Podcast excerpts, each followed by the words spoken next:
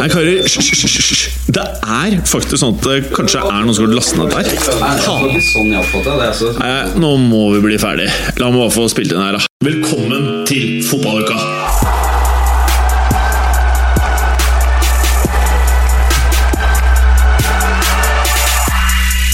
I dagens fotballuka Vi har med oss en gjest i dag. Ja, Dere kan gjette hvem det er. Vi skal prate om Bob Bradley. Og hvordan Swansea gjør det om dagen. Hm, hvem kan gjesten være? Jo, det er Jan Peder Jallan. Selvfølgelig. Vi kommer til å ta en kikk på tabellen i Premier League. Hva er det som skjer der? Er det noen overraskelser? Er det slik vi forventet? Så har det skjedd masse i Europa. Vi må jo selvfølgelig se på Europa, da. Eh, og så er det etter popular demand Ukas frekkas er tilbake. Åh, som jeg gleder meg! Jeg ser at alle i studio gleder seg like mye. Åh, alt dette og veldig mye mer i dagens fotballuke! Uh. Hallo, Morten Galosen. Hei hjem. Hei. Har du bytta Twitter-navn? Nei. Ikke det? Nei, fortsatt Macho-Morten. Fortsatt Macho-Morten. Vet du hva jeg tenkte jeg skulle gjøre? Macho-Morten. Er det det? Hashtag forever Macho-Morten. Ja, for nå har jeg stjålet at Galos ettall. Har du det? Ja, skal ha penger for det. Så det er Jim Fosheims uh, Twitter-handle nå? Eh, nei, det er det ikke. Nei, har hadde vært rart. Har, ja, det hadde vært veldig rart. Det hadde blitt forvirrende for folk. Mm. Eh, jeg ser du har på deg eh, Det er jo så mye nydelig som skjer med LSK om dagen, har jeg forstått på deg? Ja, Ja, vi klarte oss, Sim. ja det klarte det. Og du har jo på deg eh, eh, en hettegenser, og det er jo ikke vanlig å se deg i studio men nå har det blitt kjøligere her, skjønner jeg. Det har det. Og så viste det seg at T-skjorta jeg hadde på meg, den eh, bar preg av at jeg har vært rundt en katt nylig. Oh, ja. Så jeg tenkte i tilfelle noen har eh, allergier, Ja. så, Programlederen har slitt. så svetter jeg litt. Ja. Med vilje. Eh, jeg ser jo at det står Kanarifansen øverst i eh, sort og gult. Som seg høre bør. Black and yellow, black and yellow. Og så er det en fugl. Forhåpentligvis så skal det være en kanari. Fugl. Vi satser på det. Ja. Og Lillestrøm 1992. Hva skjedde i 1992? Da Er det da genseren er fra, eller er det noe spes som skjedde? Nei, Den er ikke så utvaska ennå. Jeg fikk den for et par uker siden. Å, Eh, det var da Kanarifansen ble stifta. Så eh, samtidig som Lillestrøm i 2017 skal feire 100-årsjubileum på øverste nivå, mm. så skal Kanarifansen feire 25-årsjubileum. Så det er dobbelt jubileum. Og det Takk. blir en nedrykkssesong antagelig. Ok. Takk skal du ha, Morten.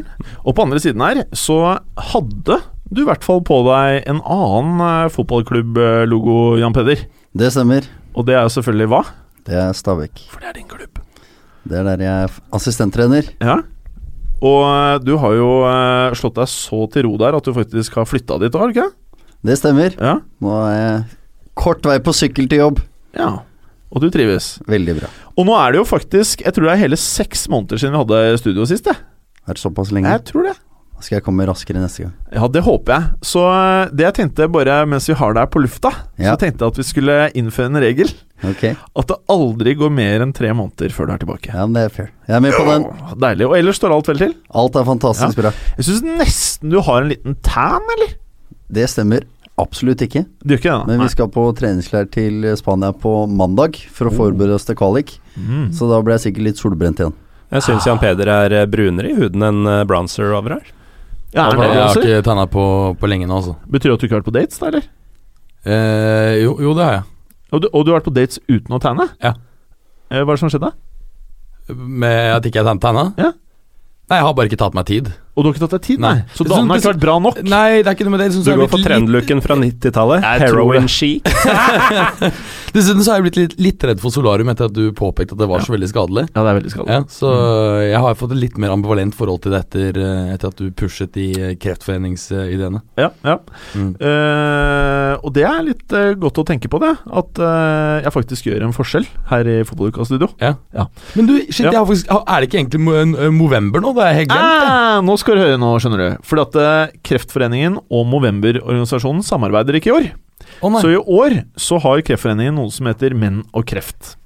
Og I forbindelse med Menn og kreft så kan du gå på noe som heter treminutter.no. Skal ta en quiz som tar deg tre minutter. Og da får du svar på veldig mye du kanskje ikke eh, var klar over i forhold til kreft og prostata, og hva du burde sjekke deg for. Ja, det er smart. Hva, hva het nettsiden, sa du igjen? Eh, Treminutter.no. Mm, altså tretall, minutter.no. Mm, Det skal jeg gjøre. Ja. Ja, ja. Eh, Det anbefaler alle å gjøre. Jeg har tatt quizen, eh, og det går mye på genetikk, arv, de tingene der. Ok, ja. Ja. Men skal du svare om din egen Altså, jeg kan jo ikke noe om mitt eget genetiske materiale. Nei, men du, du vet jo sikkert eh, Du har liksom fortalt meg mye om dine, ditt genetiske materiale etter et par pils. eh, året. Ok, det ligger der, altså. Jeg kanskje får det ja, frem. ja, jeg Du får det frem. Ta deg en Ja. pilsesovl i løpet av de tre minuttene. Ja, det jeg. Ellers så må jeg få lov til å skyte inn at det her er veldig viktig. Ja, Jeg har sjøl ligget i ett år med kreft, eh, testikkelkreft, og sjekke seg. Testikkelkreft, andre typer, det er kjempeviktig. Så ta den eh, testen. Treminutter.no. Ja. Det er det verdt. Veldig bra. Takk skal du ha, Peder. Og med det så skal vi prate om fotball. Åh, Jan Peder som har gledet meg til dette her. For nå skal vi nemlig eh, Ikke for å put you on the spot, men vi må jo prate litt om Swansea og Bob Bradley. Og jeg har en påstand til deg. Ja. Jeg eh, påstår at det ikke er noen i Fotball-Norge som er bedre rustet til å si noe om Bob Bradley og hans eh, ja, lille PL-affære så langt. ja, det stemmer nok. Jeg jobba sammen hver dag i to år, Ja. eh, og hatt veldig tett kontakt med siden han dro fra Stabæk også. Eh, tida han var i Frankrike, i Le Havre. Da jeg skulle egentlig ned og besøke han i Le Havre nå om ikke lenge, men så kommer vi i en kvalik som er i slutten av november, starten av desember. Utrolig nok av NFF. Pluss at han er i Premier League i Swansea, men det blir dessverre ikke noe besøk i november som planlagt. Oh. Betyr det at jeg kan bli med en gang i tiden? Det skal vi prøve å få til. Så. Oh, fordi at eh, jeg skal jo nå både besøke Tor Christian Karlsen i uh, Israel. Israel. Og så kan jeg snike Eller eh, klamrer meg fast til deg, så kan jeg være med til eh, Wales. Bra. Ja, det kan bli bra fotballturer. Absolutt. Eh, Bob Bradley. Jeg husker jo Jeg har aldri hørt eh, så mye lovord fra deg, og du er en fyr jeg respekterer veldig, da. Eh, og du forteller meg hvor bra Bob er. Er Bob bra nok til å snu eh, Swansea-skutta? Ja, absolutt. Ehm, som jeg har sagt før, en veldig sterk leder. Fotballfaglig veldig dyktig. Eh, veldig bra coach på feltet. Og så er det samtidig et veldig bra menneske. Sterke verdier. Ehm, etter å ha jobba sammen hver dag i to år, så var det ikke én eneste dårlig opplevelse. Ehm, men veldig sterk, veldig tydelig, veldig kravstor. Eh, men han har en evne til å, å lede mennesker, samtidig som han er veldig dyktig fotballfaglig. Em, og det var det som var den store overraskelsen når han kom, hvor eh, jeg som mange andre var litt eh, generaliserende og tenkte at her kom det inn i hvert fall en som var sterk leder, og så får vi se åssen det er fotballfaglig.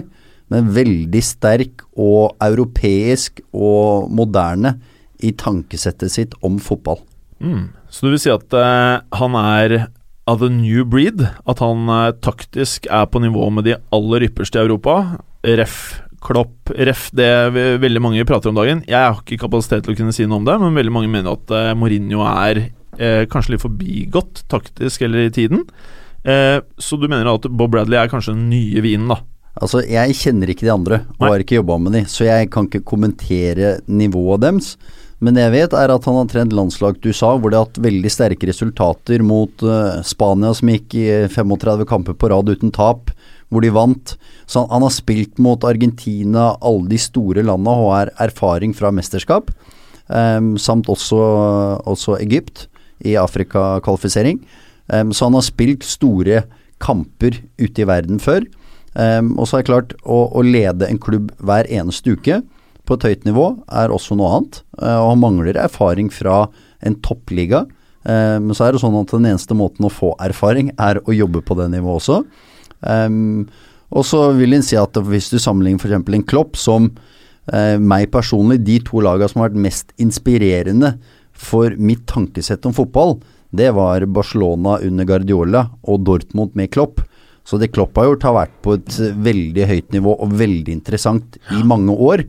Og så har det imponerende vært eh, hvor raskt Klopp har fått det til i Liverpool også. Mm. Hva syns du om eh, det du har sett så langt med Bob i eh, Swansea? Um, i, hvis vi begynner med første kampen mot Arsenal, så, så er det en veldig vanskelig bortekamp. Uh, hatt laget i, i, litt tid, men uh, samtidig så var det landskamper, så han fikk lite tid med hele laget sammen. Da er du ute etter å finne noe du kan bygge på, noen positive ting som du kan dra videre. Um, hvor de etter å ha ligget under 2-0 et lag som hadde mye dårlige opplevelser, ligger i bånn av tabellen. Det er fort gjort å kollapse på Emirates, men de klarte da å slå tilbake i veldig avgjørende øyeblikk av kampen. Så ligger kampen og vipper litt før etter hvert Arsenal får 3-1, og det ligger litt til rette for å få en ny kollaps. Så klarer de å slå tilbake enda en gang og skape spenning og skape sjanser. Selv om Arsenal absolutt har noen veldig store sjanser og kunne skåret flere mål. Eh, I den kampen så syns jeg backfireren var veldig svak i, posis i posisjonsspillet sitt. Um, og så er det noen fotballøyeblikk som er ok. Samtidig så ser du masse detaljer som jeg vet han kommer til å jobbe med hver eneste dag. Som kommer til å påvirke spillet deres i veldig stor grad. Men det tar også tid å jobbe med. Uh, så det er masse individuelle ting som også må på plass, sammen med lagtaktiske ting. Mm. I kamp to Hjemme mot Watford så er det en veldig god andre gang hvor de virkelig pusher kampen. Litt mer passiv i første gangen. Men En kamp hvor du etter hvert føler at her er det mulig å få et mål og fortjener å få en scoring. Så det var veldig uheldig for at de ikke klarte å skape nok. Men da hadde en Barrow som var veldig eh, skapende i de to første kampene. Hva for en Barrow? Barrow som spilte i Sverige, Ja, ja. var i Norrköping. Fikk ikke spilletid med vår kaptein Morten Skjønsberg. mm. Eh, men gikk videre og var bra i bl.a. Østersund, og så plutselig så går han til en Premier League-klubb. um, og så, så synd at ikke de får poeng i den. Mot Stoke så syns jeg det blir for lett. Det er ikke nok trykk i spillet, de henger ikke sammen i presset, klarer ikke å spille godt nok. Kontringen de får, klarer de ikke å ta. Så det blir, de, de klarer ikke å skape nok etablert, samtidig som de ikke er gode nok i kontringsspillet. Og, og slipper til for mange enkle sjanser, spesielt gjennom individuelle feil. Eh, mot ManU så er det en veldig skuffende første 30 minutter. Åh, nå kommer du sikkert til å få litt eh, hate, vet du. Du sa ManU. Jeg vet jo at du sympatiserer med de, de røde djevlene, men eh, det var jo et legendarisk øyeblikk når jeg sa det faktisk på direktesendt TV. Og jeg fikk så jævlig mye pepper. Men eh, ja, fortsett. Et veldig, da var det et veldig energiløft, skuffende Swansea som ikke klarte å, å presse med Lorente og Borja. Eh, de klarte ikke å sette noe press på de. Når de vant baller av kontringsmuligheter, tar de ikke, skal etablere og spille, finner ikke løsninger raskt nok. Så det, det var et veldig energiløst og veldig skuffende Swansea-lag. Samtidig så må det nevnes at United så litt annerledes ut i den kampen. Eh, mye mer mobile, mye mer rotasjoner. Lagt om til Carrick i dyp og to indreløpere med Pogba og Flaini for å få mer mobilitet. Samtidig som Zlatan fikk droppe seg mer ned i banen og sette opp, skape, komme inn i andre bølge i boksen og også skåre mål ut fra det. Eh, den første skåringa hans, selv om keeper burde tatt den. Um, men det var et, et veldig skuffende Swansea-lag. Eh, en annen påstand. Swansea er det svakeste laget i Premier League. Det er jeg ikke enig i. Nei. Um, For du har jo Sunderland. Men uh, Sunderland har vært veldig skuffende. Men de, det er uten tvil at det er en stor oppgave foran Bob. Det er veldig mye som jobbes med på feltet individuelt og med laget. Pluss at i transfervinduet så må de gjøre noen endringer i troppen. Eh, for å runde av eh, litt, da. Er det noen posisjoner de må forsterke mer enn andre, som du ser nå, for at dette skal kunne gå veien? Jeg syns de trenger eh, spillere i flere posisjoner. Jeg syns de trenger en sentral midt eh, som kan balansere opp laget og gi dem mer, et mer kompetitivt lag. Um, og så syns jeg Borja og Loriente ikke fungerer på topp, verken i par eller individuelt. Uh, så jeg syns de trenger en spiss som kan være mer, med mer gjennombruddskraft enn det de har nå. Lorente har blitt mye tyngre. Det er ikke fra Bilbao-tida, hvor han hadde litt steg og kunne skape ting. Borja mangler akkurat nok fart til å være skapende bak. Så mangler han litt forståelse og oversikt til å være skapende nok i mellomrom. Så han faller litt mellom, selv om han har ganske ok boksbevegelse inn i siste tredjedel. Men der har heller ikke Swansea vært ofte nok i kampene til nå. Eh, Så jeg syns de trenger en spiss, pluss at kantene Routledge og Barrow har variert for mye. Sist kom også Montero innpå og fikk litt spilletid, men de må få i gang kantspillerne sine. Mm. Har dere andre paneldeltakere? Noen ting dere lurer på eh, rundt dette? Nei, altså vi eh, skal jo snakke litt om våre forhåndstips eh, kontra det som foreløpig er virkeligheten eh, senere i sendinga. Jeg eh, ser jo at vi hadde Swansea på 18. Mm. Eh, de ligger per nå på 19., så foreløpig har vi jo truffet ganske bra. Ja, vi er jo kjent for å er- treffe. For så vidt overraska over at de har vært så dårlige.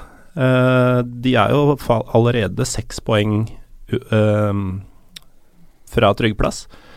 Uh, og det er verre enn jeg trodde. Jeg trodde også at uh, de skulle få et løft med Bradley, uh, om ikke sånn mirakuløst, så skulle det skje noe, men det har vært Det er verre i Swansea enn selv jeg trodde, altså. Så ikke noe spørsmål til Jan Peder. Bare rakking. Hakking. Nei, jeg. Peder. jeg skjønner jo at han trenger tid. Ja. Men uh, det er en formidabel oppgave Bradley har tatt på seg. Det er han vel klar over også. Men jeg har et spørsmål. Mm. Uh, det går jo litt mer tilbake på mennesket og verdiene til eh, Bradley. Uh, hvor fornøyd er han med å allerede ha eh, arbeidsplass og bosted i Europa etter det som skjedde natt til eh, onsdag?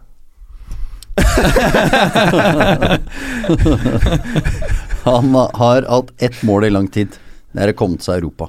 Og Ja. toppen i Europa. Så han er eh, han el Når jeg ser han i pressekonferansen i starten, så ser jeg at det er her han gjør hjemme. Det er elskeren. Han er klar for det. Eh, og så vet jeg nå at han gjør en vanvittig jobb på treningsfeltet hver dag. I garderoben før trening, på feltet, så er det et jæklig trykk på alt det som skjer der nå. Kan du si litt mer om eh, måte, hva som er eh, mest fremtredende trekkene ved fotballfilosofien hans, altså rent taktisk, formasjonsmessig osv.? Eh, Han er veldig fleksibel i forhold til formasjon. Det er et veldig annet syn på det enn Norge, hvor det er ganske satte roller mange steder. Eh, Rosenborg, som har et veldig definert oppspillsmønster, så er han en som ser spillet, ser spillerne, eh, løser formasjon ut fra spillerne han har tilgjengelig. Eh, han kan også endre formasjon en del vei underveis i kamper, ut fra troppen han har. Så alt handler om hvordan han leser spillerne, leser troppen han har, leser kampen, og så klarer å, å vri og vende på ting ut fra det for å få mest mulig resultater. Så f.eks. i 2014, med troppen vi hadde da, så gjorde vi veldig mye formasjonsendringer underveis i kamper. Eh, I fjor så hadde vi mer spillere med spisskompetanse som en Asante på høyrekant, en Diomande som midtspiss, som gjorde at vi roterte mye mindre. Vi hadde litt klarere roller, for det var basert på spisskompetanse til spillere. Men alt handler om hvordan han leser spillerne han har, hvordan han kan få mest mulig ut av dem. Så han er veldig åpen i forhold til den biten. Um, og så han, kommer han til å ønske et lag som evner å presse. Lag som kommer seg opp i press, som er aggressive, som vinner baller, som kontrer når de vinner ballene, og samtidig er dyktige nok til at de kan skape ting etablert. Og de detaljene i en duelt om med lag jobber han med der hver eneste dag. Bra. Eh, hvis du kommer på noe mer utover sendinga, så får du bare si fra, Jan Peder. Men eh, nå skal vi over til eh, tabellen i Premier League. Eh, og vi var jo litt sånn eh, cocky, da, og sa Chelsea på eh, førsteplass i år. Eh, Herr Gallaasen, hvordan ser det ut i forhold til tabelltipsene våre?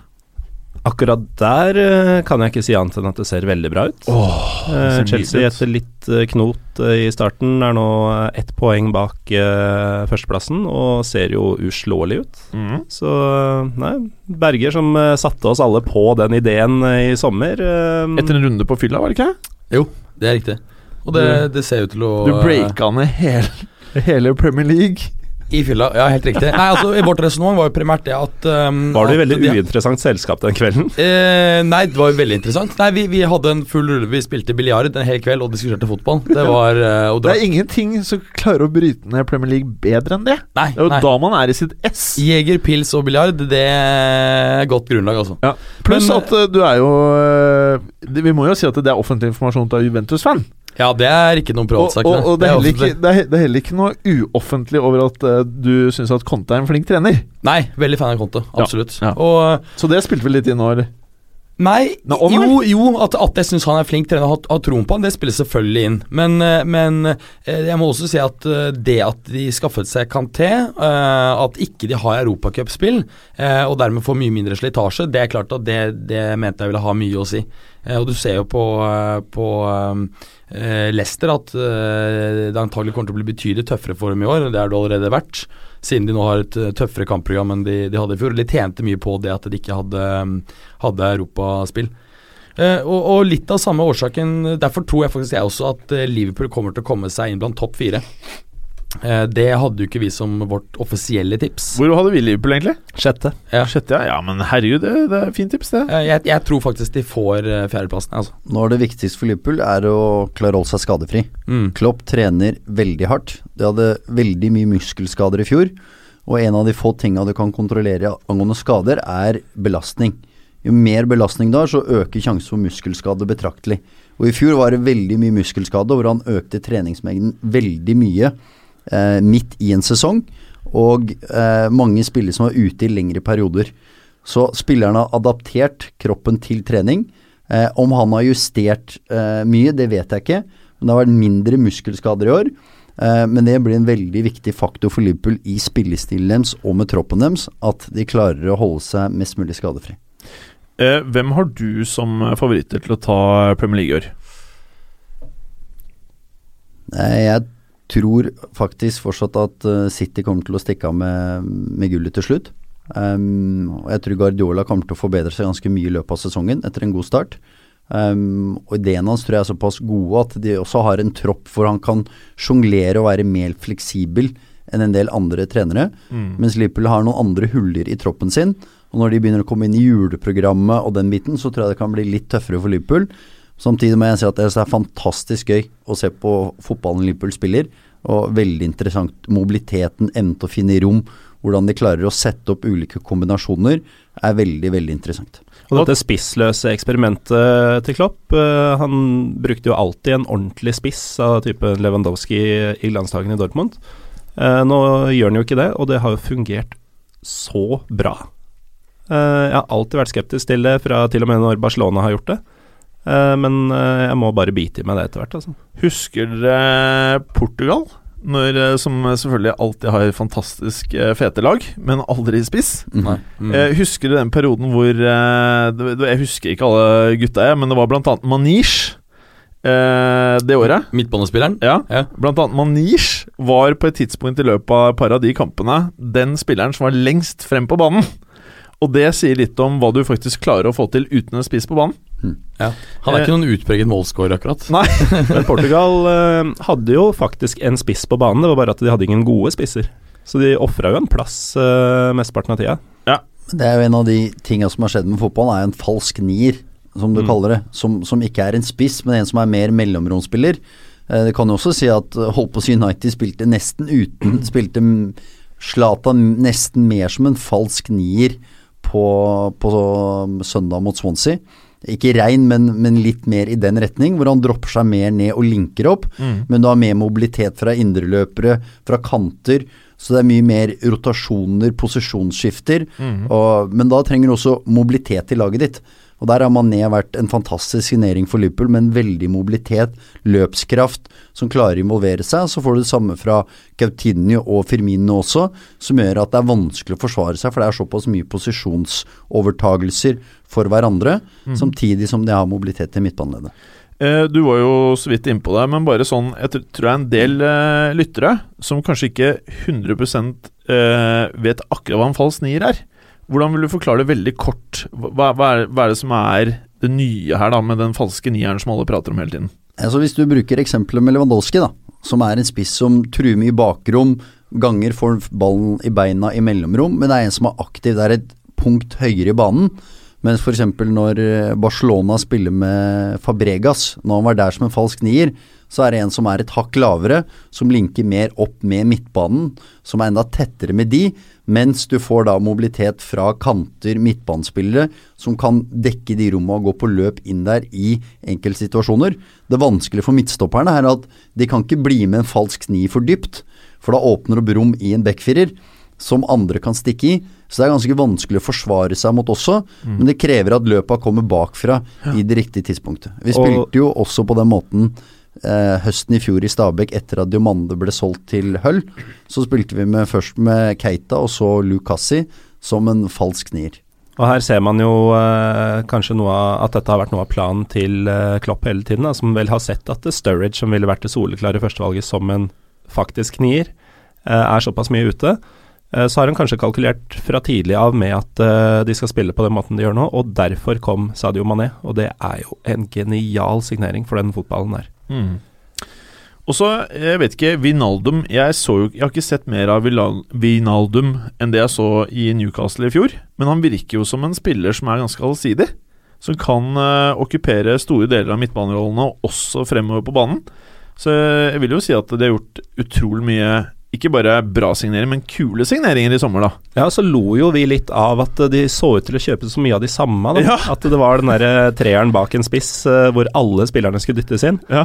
Eh, men uh, foreløpig så er det jo Liverpool som ler best. Det er jo en grunn si til at Klopp trener det laget, og ikke vi. Ja, og jeg kan jo si litt om eh, Klopps eh, kurve i eh, Dortmund. For jeg var og så dem på Westfalen stadion i 2009-10-sesongen.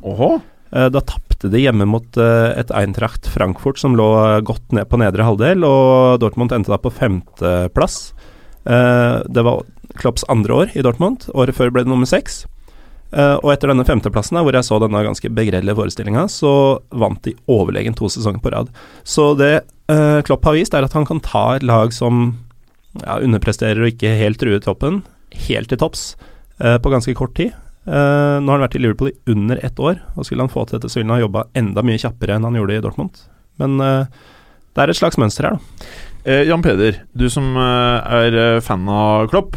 En ting jeg har lagt merke til, da som jeg syns er litt annerledes med Klopp enn vel veldig mange andre trenere, det er hvordan han oppfører seg rundt spillerne sine. Mm.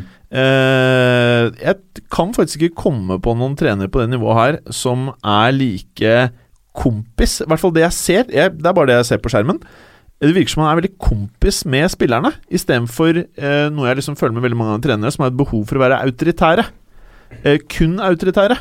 Mens han eh, Andre trenere kan klaske gutta på rumpa eller den stilen der, men han eh, embracer det, da. Det føles som kjærlighet. Kompiskjærlighet. Eh, er jeg inne på noe der? Ja, Altså, jeg har ikke sett noe mer enn det dere har gjort gjennom skjermen. Men inntrykket mitt derfra er at det er en som spiller veldig mye på personligheten sin. Ja. Um, de jeg kjenner fra Tyskland som, som vet litt mer om, sier at det er et fantastisk menneske. En veldig bra type. Eh, som du kan stole på, og som er ærlig, og som har en sterk personlighet. Høres ut som du beskriver deg selv. Og den, den måten Jeg ville brukt det til å beskrive deg, Jan Peder. Takk for det. Ja. Men den måten å gjøre ting på gjør at han er veldig tett med spillerne, hvor han har siter, blitt sitert på at uh, han kan si til spillerne at vet du hva, jeg skal gi alt jeg kan for deg, jeg skal gjøre alt jeg kan. Vet du hva, jeg må ha det samme tilbake. Så han skaper et veldig sterkt bånd og en sterk relasjon, em, som Ferguson også gjorde, men på en annen måte. Em, så er det det som er gjennomgangsmelodien. Og det er det Mourinho for meg gjorde mye før. Når han var i de yngre dagene i Chelsea-Inter, hvor han var tett med spillerne. Du, du så at det var veldig tette bånd. Um, mens inntrykket utenifra nå, i Real Madrid og United nå, er at det er mer en som er litt utenfor, litt mer autoritær og gjør ting på en annen måte. Og så er jeg ikke sikker at det stemmer, for jeg ser ikke hverdagen. Jeg ser ikke feltet, jeg ser ikke den jobben. Men det er inntrykket gjennom TV-skjermen. Men samtidig så er det vel ikke én eneste av de eh, han trente i Chelsea så sent som for et år siden, som har vært ute og sagt noe negativt om Mourinho. Mm. Det er fordi de vet de kommer til å bli trent av ham på et eller annet tidspunkt. Jeg, jeg. kan være. Men det kan jo også være at han langt ifra er så kjip som man har fått inntrykk av at han blir etter hvert. Da. Mm. Eh, la oss gå gjennom eh, plasseringen her. Kan, vi ikke, kan ikke du ta oss gjennom eh, den lista di, Gallosen? Ehm, hva vi trodde, eller hva som er Du bestemmer. Ja, nei, vi hadde jo Chelsea på første. Ligger på andre foreløpig, så hadde vi United og City på andre og tredje. Ja. Naila jo City foreløpig, som ligger på tredje. United et lite stykke bak. Ja. Men eh, United, altså. Jeg, jeg blir ikke Jeg skjønner ikke hvor vi har dem fortsatt. Nei. Uh, verken spillerne, manageren, eh, noe som helst. Det var Jeg så den matchen i eh, Istanbul, eh, hvor jeg som United-sympatisør holdt ekstremt hardt med Fenerbahçe. Eh, og United var så dårlige! Og de stilte med tilnærma toppa lag. Så går det tre dager, og så rundspiller de Swansea på bortebane med omtrent samme laget. Mm. Det, nei, det jeg, jeg, jeg vil jo si at de taktiske endringene United gjorde i Swansea-kampen, var veldig fordelaktig for dem. Hvor Pogba blir sluppet løs. Det var en av styrkene i Inter at han kunne bevege seg litt hvor han ville. Han kunne lese spillet på en intuitiv måte. Pogba, Eh, Pogba, ja. Juventus. eh, Juventus. eh, mens Pill også satte den opp noen ganger ganske ok. Men, men han, var, han var veldig mobil, han var bevegelig, han spilte på instinkt. Mens i starten av United så har han, du ser at han har fått en del mer beskjeder om å balansere og holde litt. Nå som Carrie kom inn i midten, fikk de mer rytme i det offensive spillet i forhold til Fellaini. Nå hadde Fellaini og, og eh, Pogba bevegelig. Rooney som skjærte inn fra venstre ganske tidlig. Mata på høyre som vandra mye inn. Swansea klarer ikke å komme opp i press, for det var en helt annen rotasjon i spillet og en annen rytme. Pluss at én, Zlatan fikk plutselig plass i mellomrommet. Plutselig linker han, og plutselig setter han opp andre. Hva tenker du om United i år? Altså De splæsjer cash hver eneste sommer nå. Og det, blir liksom Jeg syns nesten det ser dårligere ut. Laguttaket hans tilsier at her er en som prøver å finne formelen til laget. Det er ikke Mourinho sikker på ennå. Det ser du hvordan han endrer noen ting. Du ser byttene i backfirer. Så han prøver å finne fram til en elver som fungerer best mulig for han. Um, men det svaret har han ikke ennå. Men, Men, men foreløpig har han vel brukt bare 4-2-3-1-formasjon. så vidt jeg har Utenom sist kamp. Hva har han da? Da har han 4-3-3? én dyp og to foran med Pogba og Fellini, mer offensiv, mer offensiv midtbanespiller. Ja, Var det en typisk mer 4-1-4-1 eller sånt? Eller? Ja, om du kaller det det, eller 4-3-3, eller Ja. Men det virker jo som om Pogba omsider ble brukt uh, mer eller mindre som han ble i Juventus, da. Ja, ikke sant. For han har vært prøvd i den dype rollen som du nevner, ikke sant? hvor han har fått for mye defensivt ansvar. Så har de prøvd han i tierrollen. Han er ikke noen typisk nummer ti heller. I, I Juve så var han jo venstre indreløper, ikke sant, med mye frihet til å være med altså boks til boks. Uh, og det er jo den rollen jeg tror at han må brukes. Men det er vel kanskje første gang han fikk mer i den rollen nå. Ja. ehm, hvis du hadde satt Hvis du tar United hjemme mot City, og så hadde du satt Pogba inn i midtbaneleddet til City den første gangen, så hadde du sett at rytmen hadde stoppa opp med Pogba mange ganger. For hans evne til å finne rom Da overstikket han for ball. Første touchet, andre touchet til å spille andre gode og sette opp ting. Syns jeg faktisk er på et litt begrensa nivå. Nå snakker vi om en veldig god spiller, eh, men det er på en begrensa nivå. Han er god når han slippes løs. Bevegelig, mobil, skaper ting, kan drible, kan skyte, kan komme seg inn i boks. Orker å komme seg tilbake. Det er for meg når han Han er en spiller som er best når han er litt friere der han er nå. Men så tror jeg han jobba under Guardiola, så tror jeg han har tatt noen vanvittige steg på en del ting han ikke er så god på. Han har valgt feil Manchester-klubb. Eh, nei da. Eh, oh. Men eh, Jan Peder, eh, fotballfagmannen. Du har sett en del eh, Dortmund. Mm. Hvor ille syns du det er at uh, Mkhitarian ikke får muligheten eh, i United? Nei, så, nå har han jo spilt ganske lite, ehm, og det han har spilt har ikke vært spesielt bra. Um, han blir satt litt på forskjellige kanter, um, mens han har vært best i mellomrommet tidligere. Ehm, men det er klart, hvis jeg hadde, sånn som United så ut mot Swansea, i den spillestilen, så tror jeg det passer han veldig mye bedre, hvor han kan være mer bevegelig også, og litt friere i ting. For det er ikke noen tvil om at det er en veldig god spiller. Um, og så er det sånn at det er sant det Morin sier at noen spillere trenger tid for å tilpasse Premier League. Zlatan går ut og sier at vet du hva, det her er, det er hardt. Det er tøft i Premier League. Det er fysisk, det er en annen type liga. Um, så det blir veldig spennende å se hvordan Mkhitaryan klarer å tilpasse seg og adaptere nivået etter hvert. eh, så det står her Chelsea, United, City 1, 2, 3. Og så står det på fjerde Tottenham. Fjerde Tottenham, fem Arsenal. Eh, de har foreløpig bytta plass i virkeligheten, men eh, ja, det er jo et Arsenal som har sett bedre ut enn vi eh, forestilte oss. Eh, Du, det lurer jeg litt på, Jan Peder. Jeg vet ikke hvor mye Arsenal du har rukket å se i år. Men eh, jeg var vel den eneste studio som ikke slaktet Jeg vil jo faktisk bruke ordet 'slaktet' før sesongstart. For jeg syns folk generelt sett, eller media generelt sett, har en tendens til å gi Arsenal altfor mye medfart. Tror du at Arsenal, med det mannskapet de har nå, da, og det du har sett, jeg vet ikke hvor mye du har fått sett, er de en, kan de utfordre til, uh, til ligagull? Ja, yes, de kan utfordre. Um, jeg tror også skader blir veldig viktig for Arsenal, for de har hatt veldig mye skader opp gjennom åra. Uh, jeg så en gang et sitat av Rio Ferdinand som sa at når han har trent på, på treningsanlegget til Arsenal, så har de mye hardere baner. Om det er en så enkel grunn eller noe annet, jeg vil anta at det er mye mer komplekst enn Det det. har jeg faktisk aldri tenkt over, eller eh, det er første gang jeg hører. Um, de, de har veldig mye skader der, Mm. og hatt det i mange år. Um, og nå er Chances også skada, um, så det blir en viktig faktor. Men at de kan komme opp og kjempe om det, absolutt. Det gjorde de i fjor òg. Men så sitter vel jeg med en følelse som alle andre at de, de mangler et eller annet der. De hadde kanskje håpet at Granit Exaca skulle komme inn i den, den tyngden, soliditeten, balansen som det har mangla i visse øyeblikk i viktige kamper. Um, han har ikke vært spesielt bra enda. Um, så, så ja, de spiller såpass bra fotball, har så mye god fotballspillere at de kan være der oppe.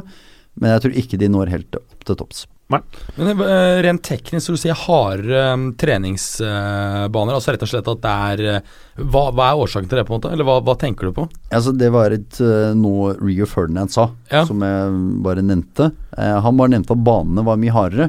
Og Hvis du trener på hardere baner, så blir det en annen belastning på muskulaturen. Som kan mm. føre til belastningsskader, muskelskader osv. som oppstår plutselig under kamp. Mm. Um, så jeg ville anta at Arsenal har ganske god kontroll på det og en del andre ting. Og sjekker ut sånt nøye. Det er ikke nøye. alltid man får den følelsen. Man uh, sitter som fan og Men det er såpass mye skader ja. og mange år at um, en begynner å lure litt på hvorfor. Ja. Men vi må jo gi litt kred til uh, Mustafi. Ja. Han uh, har jo, syns jeg, vært uh, jeg veldig imponerende. Jeg begynte å digge Mustafi. Ja, han altså. er faktisk en litt sånn old school-fyr som hopper inn i dueller og blør litt og gir seg aldri. Det er jævlig deilig. Mm. Ja, og det er klart at forsvaret deres ser veldig mye mer solid ut, syns jeg, enn det har gjort på, på mange år. jeg kan ikke huske en, i siste var nei, så digg, jeg. Nei, ikke jeg heller. Så jeg, jeg, tror de kommer til jo, å Jo, det kan jeg. Når da? Å oh, ja. Bolt. Adams Keon. Ja, altså Man kan huske det, men det er ganske mange år siden. da ja. Um, ja, og Sol Campbell var jo, var jo, også knallbra en del sesonger der. Men altså, da sånn, sånn, Den backrekka der må være den mest forfylla i fotballhistorien. og det fungerte òg. Sånn var Premier League i gamle dager. Paul Ydersen. Ja. Men hvis vi nå tenker eh, La oss anta at Mustafi klarer å holde nivået her ut sesongen, så begynner jeg nesten å bli frista til å si at uh, Høyrebekk med Beirin, uh, Korselny og Mustafi, de tre er world class, akkurat sånn det ser ut nå.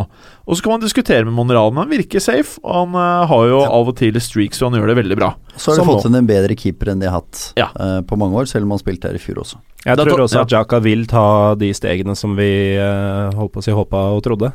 trenger nok litt tid, som mange andre, men jeg har sett ham mye i Bundesliga, og det er en spiller som, når han blir komf med nivået, kommer til å styre skikkelig. Mm. Bortsett fra at han mister huet annenhver. Da. Ja, og så syns jeg nesten også Øser kanskje har tatt et par nye steg, og ser ut som han nå har begynt å bli mer målfarlig. Wenger har jo lenge ønsket at han skal begynne å skyte mer. Eh, og det har jo vært en del situasjoner eh, hvor på en måte man regner at nå kommer han til å skyte. Likevel så, så velger han å faktisk heller sentre til en medspiller som er dårligere posisjonert enn han selv. Mm. Eh, er han oppe i syv ligamål eller noe sånt allerede? Eh, Mener det er såpass. Uh, ja, så det er klart at han uh, jeg, jeg, tror at de kommer til å være helt der oppe. Vi sa jo femteplass til Arsenal. Jeg personlig har måttet flytte dem opp til tredje. Ja. Mm. Men skal du få Arsenal helt opp, så må Øzil klare noe han ikke har gjort så ofte. Det er å være stabil en hel sesong. Ja. Og så må Walcott holde seg skadefri og være aktiv over ja. lengre perioder. Det tror jeg er spikeren på huet. At uh, rett og slett er at de har ikke Hvis du ser på f.eks. et uh, Real Madrid, da Sånn hvor du basically Alle posisjoner er world class, da. En elver. Men så har du det unike at du har en elver til mm. som er bak der. Ja. Som du bare egentlig kan dytte inn, og så merker du egentlig ikke så mye forskjell.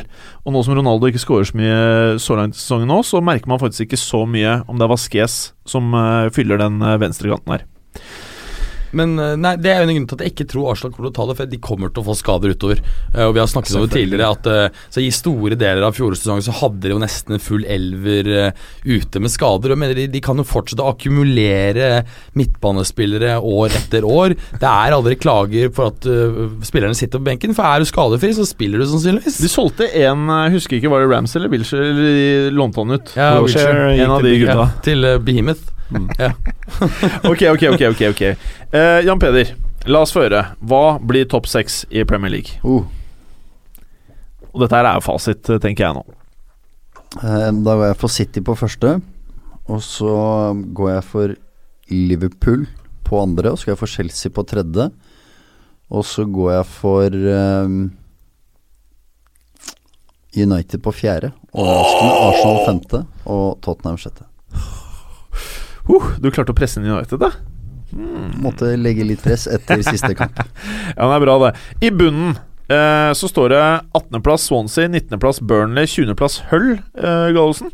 Ja, Spørsmålet er, er, eh, hvor i all verden ble det av Burnley? Jeg eh, finner dem ikke på nedre halvdel i det hele tatt. Nei. De eh, er oppe på niende, og det er jo ganske sjokkerende. United og Tottenham eh, forventa nærmest gullkandidater, eh, med én seier mer enn Burnley så langt. Det vil jo selvfølgelig ikke vare, men det kan jo være at Burnley faktisk er denne sesongens uh, overraskelseslag, da, som Ja. klarer seg med god margin. Hvem er de tre nederste nå? De tre nederste nå er uh, Hull på ti, og så har du et hav ned til Swansea og Sunderland, som begge har fem. Okay. Uh, Sunderland hadde vi jo Men Swansea rykker jo ikke ned. Det vet vi jo nå. etter Swansea å- klarer seg. Ja, Swansea klarer seg. Så hvem er det som tar den plassen, da? Nei, Sunderland? Sund? Sunderland er jo allerede Ja, vi hadde jo faktisk den på 17., Ja. eh, litt for shits and giggles, som det Ja. heter. Uh, så da blir det jo Middlesbrough, da, som går ned. Sunderland blir nummer 17 uansett hva som skjer. Men husker I forrige episode så snakket vi om det at um, klassisk nå er at Sunderland tar en seier. Uh, Moyes får uh, forlenget tillit og arbeidsro. Og det resultatet, det at ikke de da sparker han i tide, det gjør at de rykker ned. Antakeligvis. Snakker du om helt uh, Moyes og Sunderland nå, eller snakker du om Høgmo og Norge? Nei, uh... nei, nei, Sunderland. Men jeg, jeg skjønner ikke at ikke de bare sparker han og får inn Allardyce, altså. Jeg tror det er det safeste bettet de kan gjøre for å beholde plassen. Uh, hvilke lag er det som har overrasket på en positiv måte, vil vi si, så langt i årets Premier League-sesong? Burnley? Ja, Bortsett fra Burnley. Watford, Watford? som vi hadde på 16., de ligger på 8., Mm. så de er nøyaktig dobbelt så bra som vi tippa. Mm.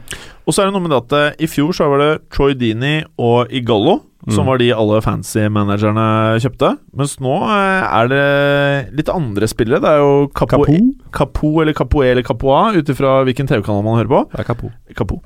Uh, og Holbass, som noen velger å kalle han, som heter, heter Hollebass. Så det er jo litt andre spillere som uh, får søkelys i, fjor, kont nei, i år kontra i fjor. Ja, det kan du si. Og det viser jo at de faktisk har et lag med veldig mye gode spillere. Hmm. Og mye rejects fra andre lag som de har satt sammen til noe som fungerer. Har du sett noe Watford i år, eh, Jan Peder? Jeg har bare sett dem mot Swansea. Ja. um, da var de solide tre uh, bak, femmer og en toer på topp. Ehm, jeg tror det er et lag som er såpass fysisk solide at de vil klare å konkurrere bra en del kamper og være solide defensivt. Med, med tidligere nav på Inter-treneren Massarini, er det riktig uttalelse? Masari. Masari. Um, som er en erfaren fotballmann, og som kan klare å, å holde unna en del kamper og få ett poeng og vinne en 1-0-seier og sånn. Så um, jeg tror de kan uh, klare å holde seg unna bunnstriden. Um, men jeg tror ikke det blir noe mm, særlig mer enn det heller. Eh, har vi noen overraskelser på den negative siden? Er, Ja, noen, er det noen lag som virkelig er in the shits, som vi mente burde prestert veldig mye bedre? Ja, United hadde vi jo forventet eh, mer av. Ja, Det er vel åpenbart, helt vi hadde jo på andre. Ja, ikke sant. Det men vi hadde jo Westham på sjuende, da. Ja. Ja, Westham Eh, selvfølgelig, ja. De ligger på 17. Nå har det vært tegn til bedring der, syns jeg. Jeg er ikke bekymra for Westham lenger. I forhold til nedrykk. Uh, Nei, det var vi vel aldri. Nei, men jeg tror heller ikke de kommer til å f eh, bli å finne i det sjiktet. Eh, det er såpass tidlig i sesongen at et par seire nå, så er de forbi Burnley, liksom. Da, Men, men, men ett lag vi ikke har nevnt akkurat i denne sammenheng, det er Leicester. mm. Hva er det som skjer med Leicester nå? Hva tenker du, Jan Peder, etter å ha vunnet gull, når de kom seg inn i Champions League? Ka burde man kunne forvente mer av Leicester i år, eller vil du si at dette her er som forventet? Altså, det å skulle spille europacupkamper uten at klubben er, har erfaring med det En ting er at eh, Ranieri har mye erfaring som trener, men at uten klubben, laget, har vært ute og spilt i kampene, det endrer hele dynamikken i uka og, og er en helt annen slitasje over tid. Og vi har mange eksempler på hvordan lag sliter etter å f.eks. ha spilt borte i Europacup. Så at Leicester skulle ha en mer utfordrende sesong, hadde, var vel de fleste forberedt på. Og så får en se når den kommer rundt juletider, hvordan ser det faktisk ut. Så må jeg nevne at, eh, som du sier, at United har vært en stor skuffelse. Jeg har vært positive så langt i dag, basert på siste kamp. Um, men resten har vært uh, veldig skuffende, syns jeg. Um, og det mest overraskende er hvordan Mourinho håndterer spillerne gjennom media. Uh, hvordan Det du tenkte når jeg så Mourinho i Real Madrid, var at noen burde sagt Du, du er en fantastisk trener, men husk at ikke det er større enn Real Madrid. For det var sånn han oppførte seg. Og det har han allerede gjort nå litt i starten i United, hvor han er ute og kritiserer på en ufin og for meg kanskje ikke så smart måte. Skjønner at han nå ønsker å markere og være tøff og sterk. Men jeg vet ikke om det er måten han får med seg spillerne, klubben, omgivelsene eh, i den situasjonen de er. Um, så, så jeg er veldig spent på å se hvordan Mourinho håndterer spillergruppa og media i tida fremover, selv om selvfølgelig det viktigste er det som skjer på banen og fotballen. Det er litt som vi snakket om tidligere, at den type eh, offentlig kritikk mot spillere som du, som du refererer til, det er noe som er mer symptomatisk for hans tredje år, gjerne, i klubbene. Eh, ikke sant? Sånn som vi så i Chelsea i fjor. Vi så det siste sesongen i Real Madrid. Eh, mens nå har dette begynt å komme allerede første sesongen, og det er litt utypisk og ikke noe godt tegn. Det betyr kanskje at han føler at han er i en pressa situasjon allerede nå. Eh, og det er jo gjerne det han alltid har sagt da i alle de klubbene han har vært i, det er at det er andre året han skal gjøre det. Og så har han kjøpt seg selv første året. Mens det virker som at eh, det oppdraget han har fått i United, er ikke at det skal gå helt i andre året. Du skal performe fra første året. Det er litt den følelsen jeg får når jeg ser Mourinho. At han vet at her eh, har han en eh, kjempebyrde på sine skuldre. Eh, han har fått lov til å bruke masse penger, hente karer som han har håndplukket. Eh, etter alt å dømme så er det han som har stått bak eh, flere av kjøpene, i hvert fall. Og så kan man diskutere Mkhitaryan og hvorvidt det er han eller den andre i klubben som henta han. Men eh, en annen ting med Mourinho er jo dette her at eh, han har jo så lenge ønsket å være Manchester United. Eh, han har veldig lenge ønsket, og han har alltid Virker det som sett opp til sir Alex Ferguson, ønsket å gå i hans fotspor, og det er, virker som den eneste treneren han aldri har rakka ned på. Den eneste treneren han alltid sier at han har respekt for, og se, uh, kaller han liksom the big boss. Uh, kanskje dette her faktisk har gått litt inn på han, jeg vet ikke. Kan det tenkes at selv José Mourinho, og også da selvfølgelig fra en fiaskosesong i Chelsea, kanskje har fått føle litt på presset at han har litt dunderen? Jeg vet ikke, godt mulig. Eh, det er klart at eh, Samtidig så har du jo hatt nå eh, to andre trenere som har mislykkes. Han hopper ikke rett etter Wirkola, på en måte. Men du er enig i at forventningene til han kontra f.eks. Moyes og van Gaal er litt annerledes, eller? Mourinho blir ikke sammenligna med van Gaal og Moyes, han blir sammenligna med Ferguson. Ja. Eh, mens van Gaal var mer Han hoppa mer etter Moyes. Det syns jeg er litt annerledes, for Mourinho er så erfaren i Premier League. Eh, også det andre tror jeg som han har innsett, er at det er en enda større jobb enn han trodde. Ja, han har fått henta inn en del veldig dyre spillere, um, men samtidig så er det en veldig stor jobb med United, sånn som troppen ser ut. Det er ganske mange jevngode spillere. Det er ikke de klare førstevalga i alle posisjoner, i noen absolutt. Um, så han har nok funnet ut at det er en større jobb, både med kulturen og troppen og spillestil, enn han kanskje var klar over. Så blir det interessant å se øh, fremover nå hvor, øh, hvor øh, mye de kommer til å savne Bailly, som vel er ute to måneder. Og så rekker han akkurat å komme tilbake i ordentlig kamp, kampform før han skal til Afrikamesterskapet. Så det er klart at han kommer til å være borte nå, ja, hva blir det, tre av de neste fire månedene. da. Det er ikke noe godt tegn. Jeg syns han har vært kanskje den av de spillerne Beste forsvareren deres. Ja, jeg syns kanskje av de fire spillerne de kjøpte i sommer, så er kanskje han den som har imponert mest. Det vil jeg si meg enig i. Men han er veldig vill i spillestilen og setter seg i noen situasjoner han ikke burde, hvor han må være mye flinkere i posisjonsspillet sitt. Men når Mourinho får jobba med han over tid, så er jeg helt overbevist om at det blir en veldig veldig god midtspiller. For han har en del naturlige egenskaper i form av fart, fysikk, taklingsevne. Eh, med ballen så har han ganske mye å gå på. Eh, pluss når han spiller mot City, han går ned, han får krampe på slutten i boksen til City, og de kontrer han ligger og strekker ut. 45 sekunder etterpå, så sprinter han. Det er noen ting der du tenker at vet du hva, her er ikke alt som er på plass ennå. Han her trenger litt mer jobb. Men han er jo 22-erne, så det er klart at han har jo, øh, har jo tid til å utvikle seg eh, sånn sett. Absolutt. Så tenker, tror jeg Mourinho tenker eh, enda litt kortere perspektiv enn utviklingspotensialet hans. Ja. Uh, ja, jeg, jeg må jo innrømme Før sesongstart så trodde jeg vi skulle få se enda villere ting jeg, fra Bailey. Ba- Ba- Bailey. Bailey. Hvordan sier man det, Gallosen? Bay. Bay. Eh, men vi har jo ikke det. Og vi har heller ikke fått sett så mye ville ting av han eh, Ragnar i Liverpool. Nei, eller Joel Matip, som jeg spådde Ja. enda villere ting fra. Eh, han er jo Liverpool-fansen glad i. Ja, men Ja, Ma. Matip har jo vært eh, ganske så god. Jeg har to kompiser som jeg, eh, litt på vegne av deg, da, slaktet Matip overfor.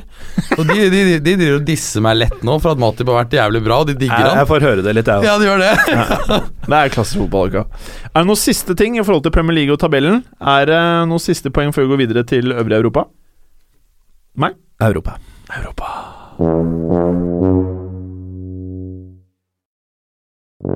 Å, Europa. Det er jo alltid en liten høydare. Vi liker jo å prate om Europa, Gallosen. Ja. Vi gjør det. Eh, og det er jo selvfølgelig eh, ingen overraskelse at du skal eh, prate litt om den tyske delen av Europa. Og eh, Bayern Hoffenheim. I fjor når vi satt og prata om Bayern, så var det egentlig litt kjedelig. For det var bare smadring. Hvordan er det nå?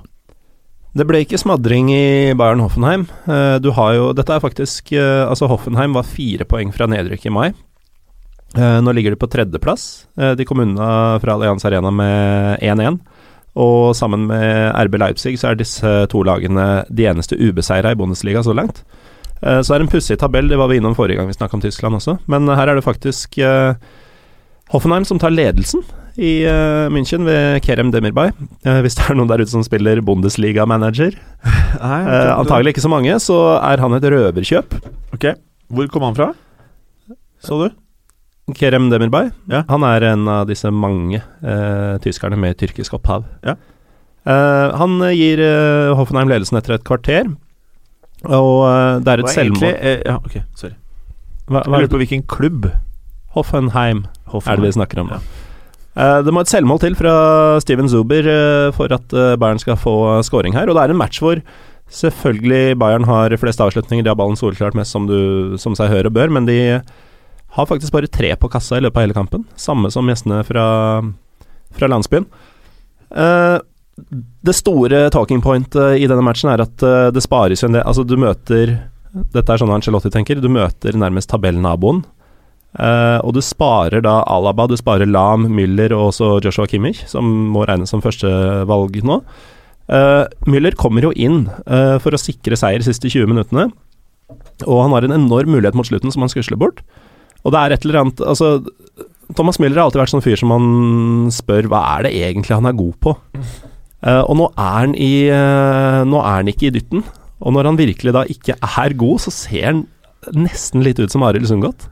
Altså en ganske middels tippeligaspiller. Det, det er rett og slett rart å se en formsvak Thomas Müller eh, omringa av eh, Vidaler og, eh, og ordentlig gode spillere.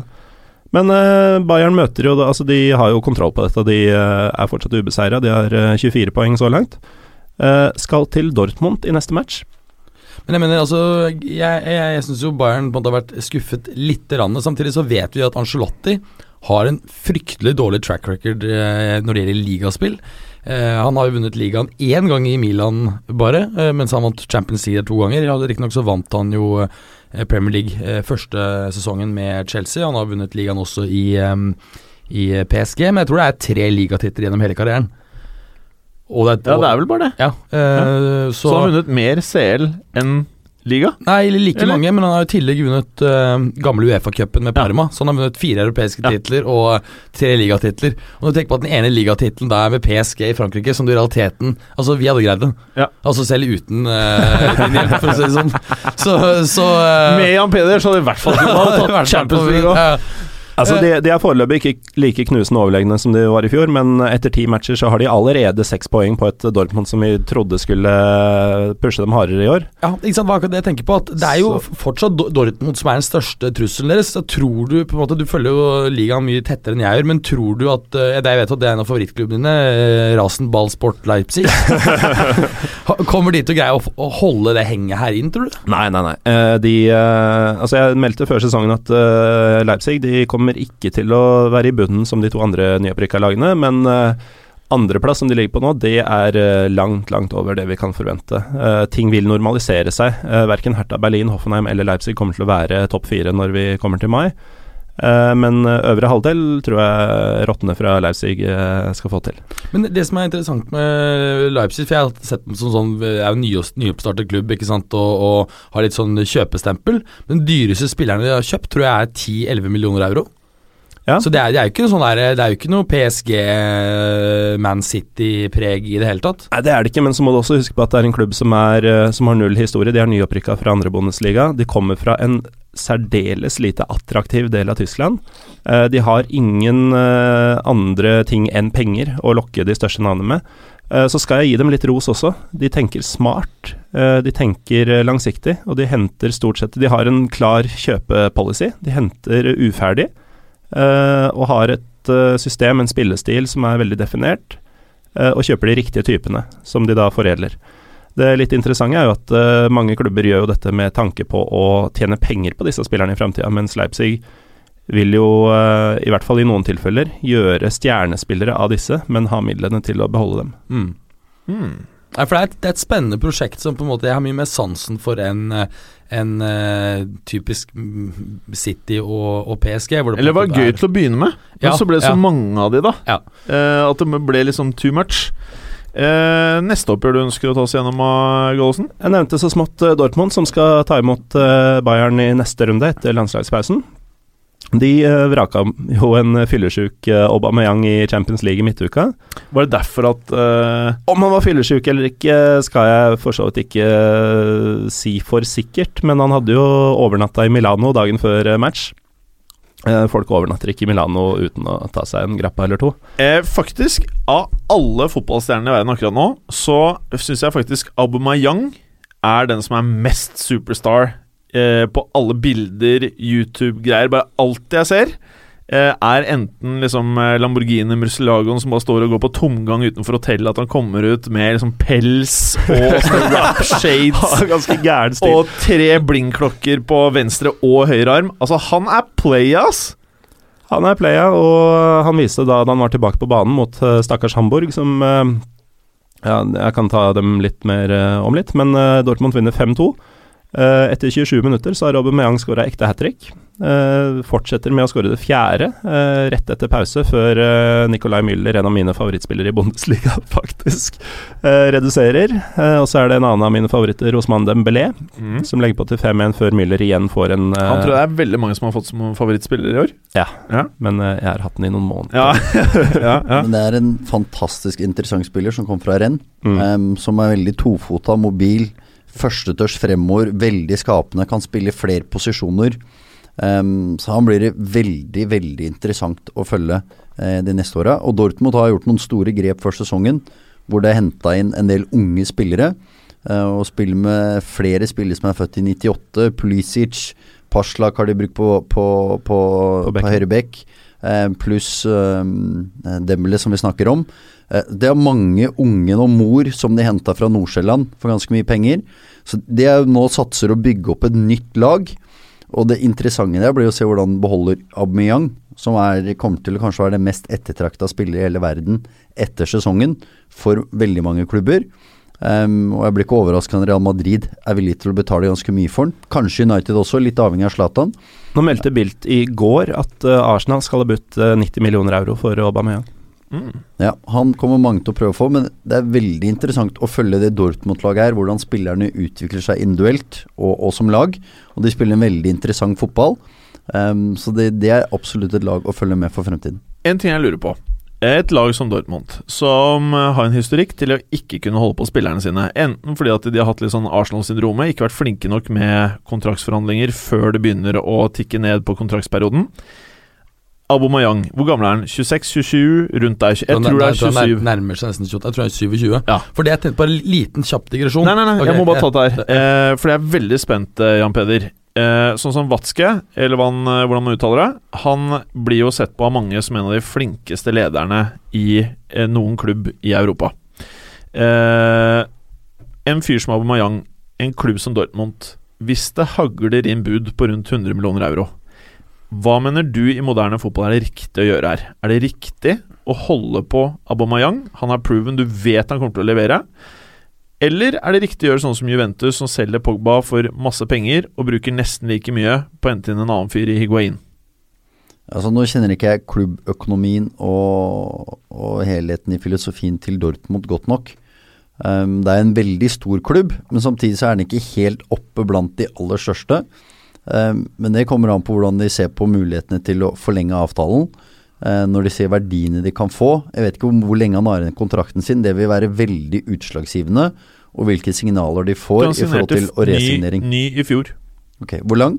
Eh, Fire år, tror jeg. Ja, noe sånt. Mm. Så, så, det vil være et vesentlig moment. Og så er et vesentlig moment hva ble diskutert i kontraktsforhandlingene med klubb og spiller også. Klassisk um, Modric-greia, da. Signerte ny kontrakt, fikk visstnok en gentleman's agreement. Så kom Chelsea, nektet å selge til Chelsea. Så kom Real Madrid, så til slutt så bare måtte de selge han. Mm.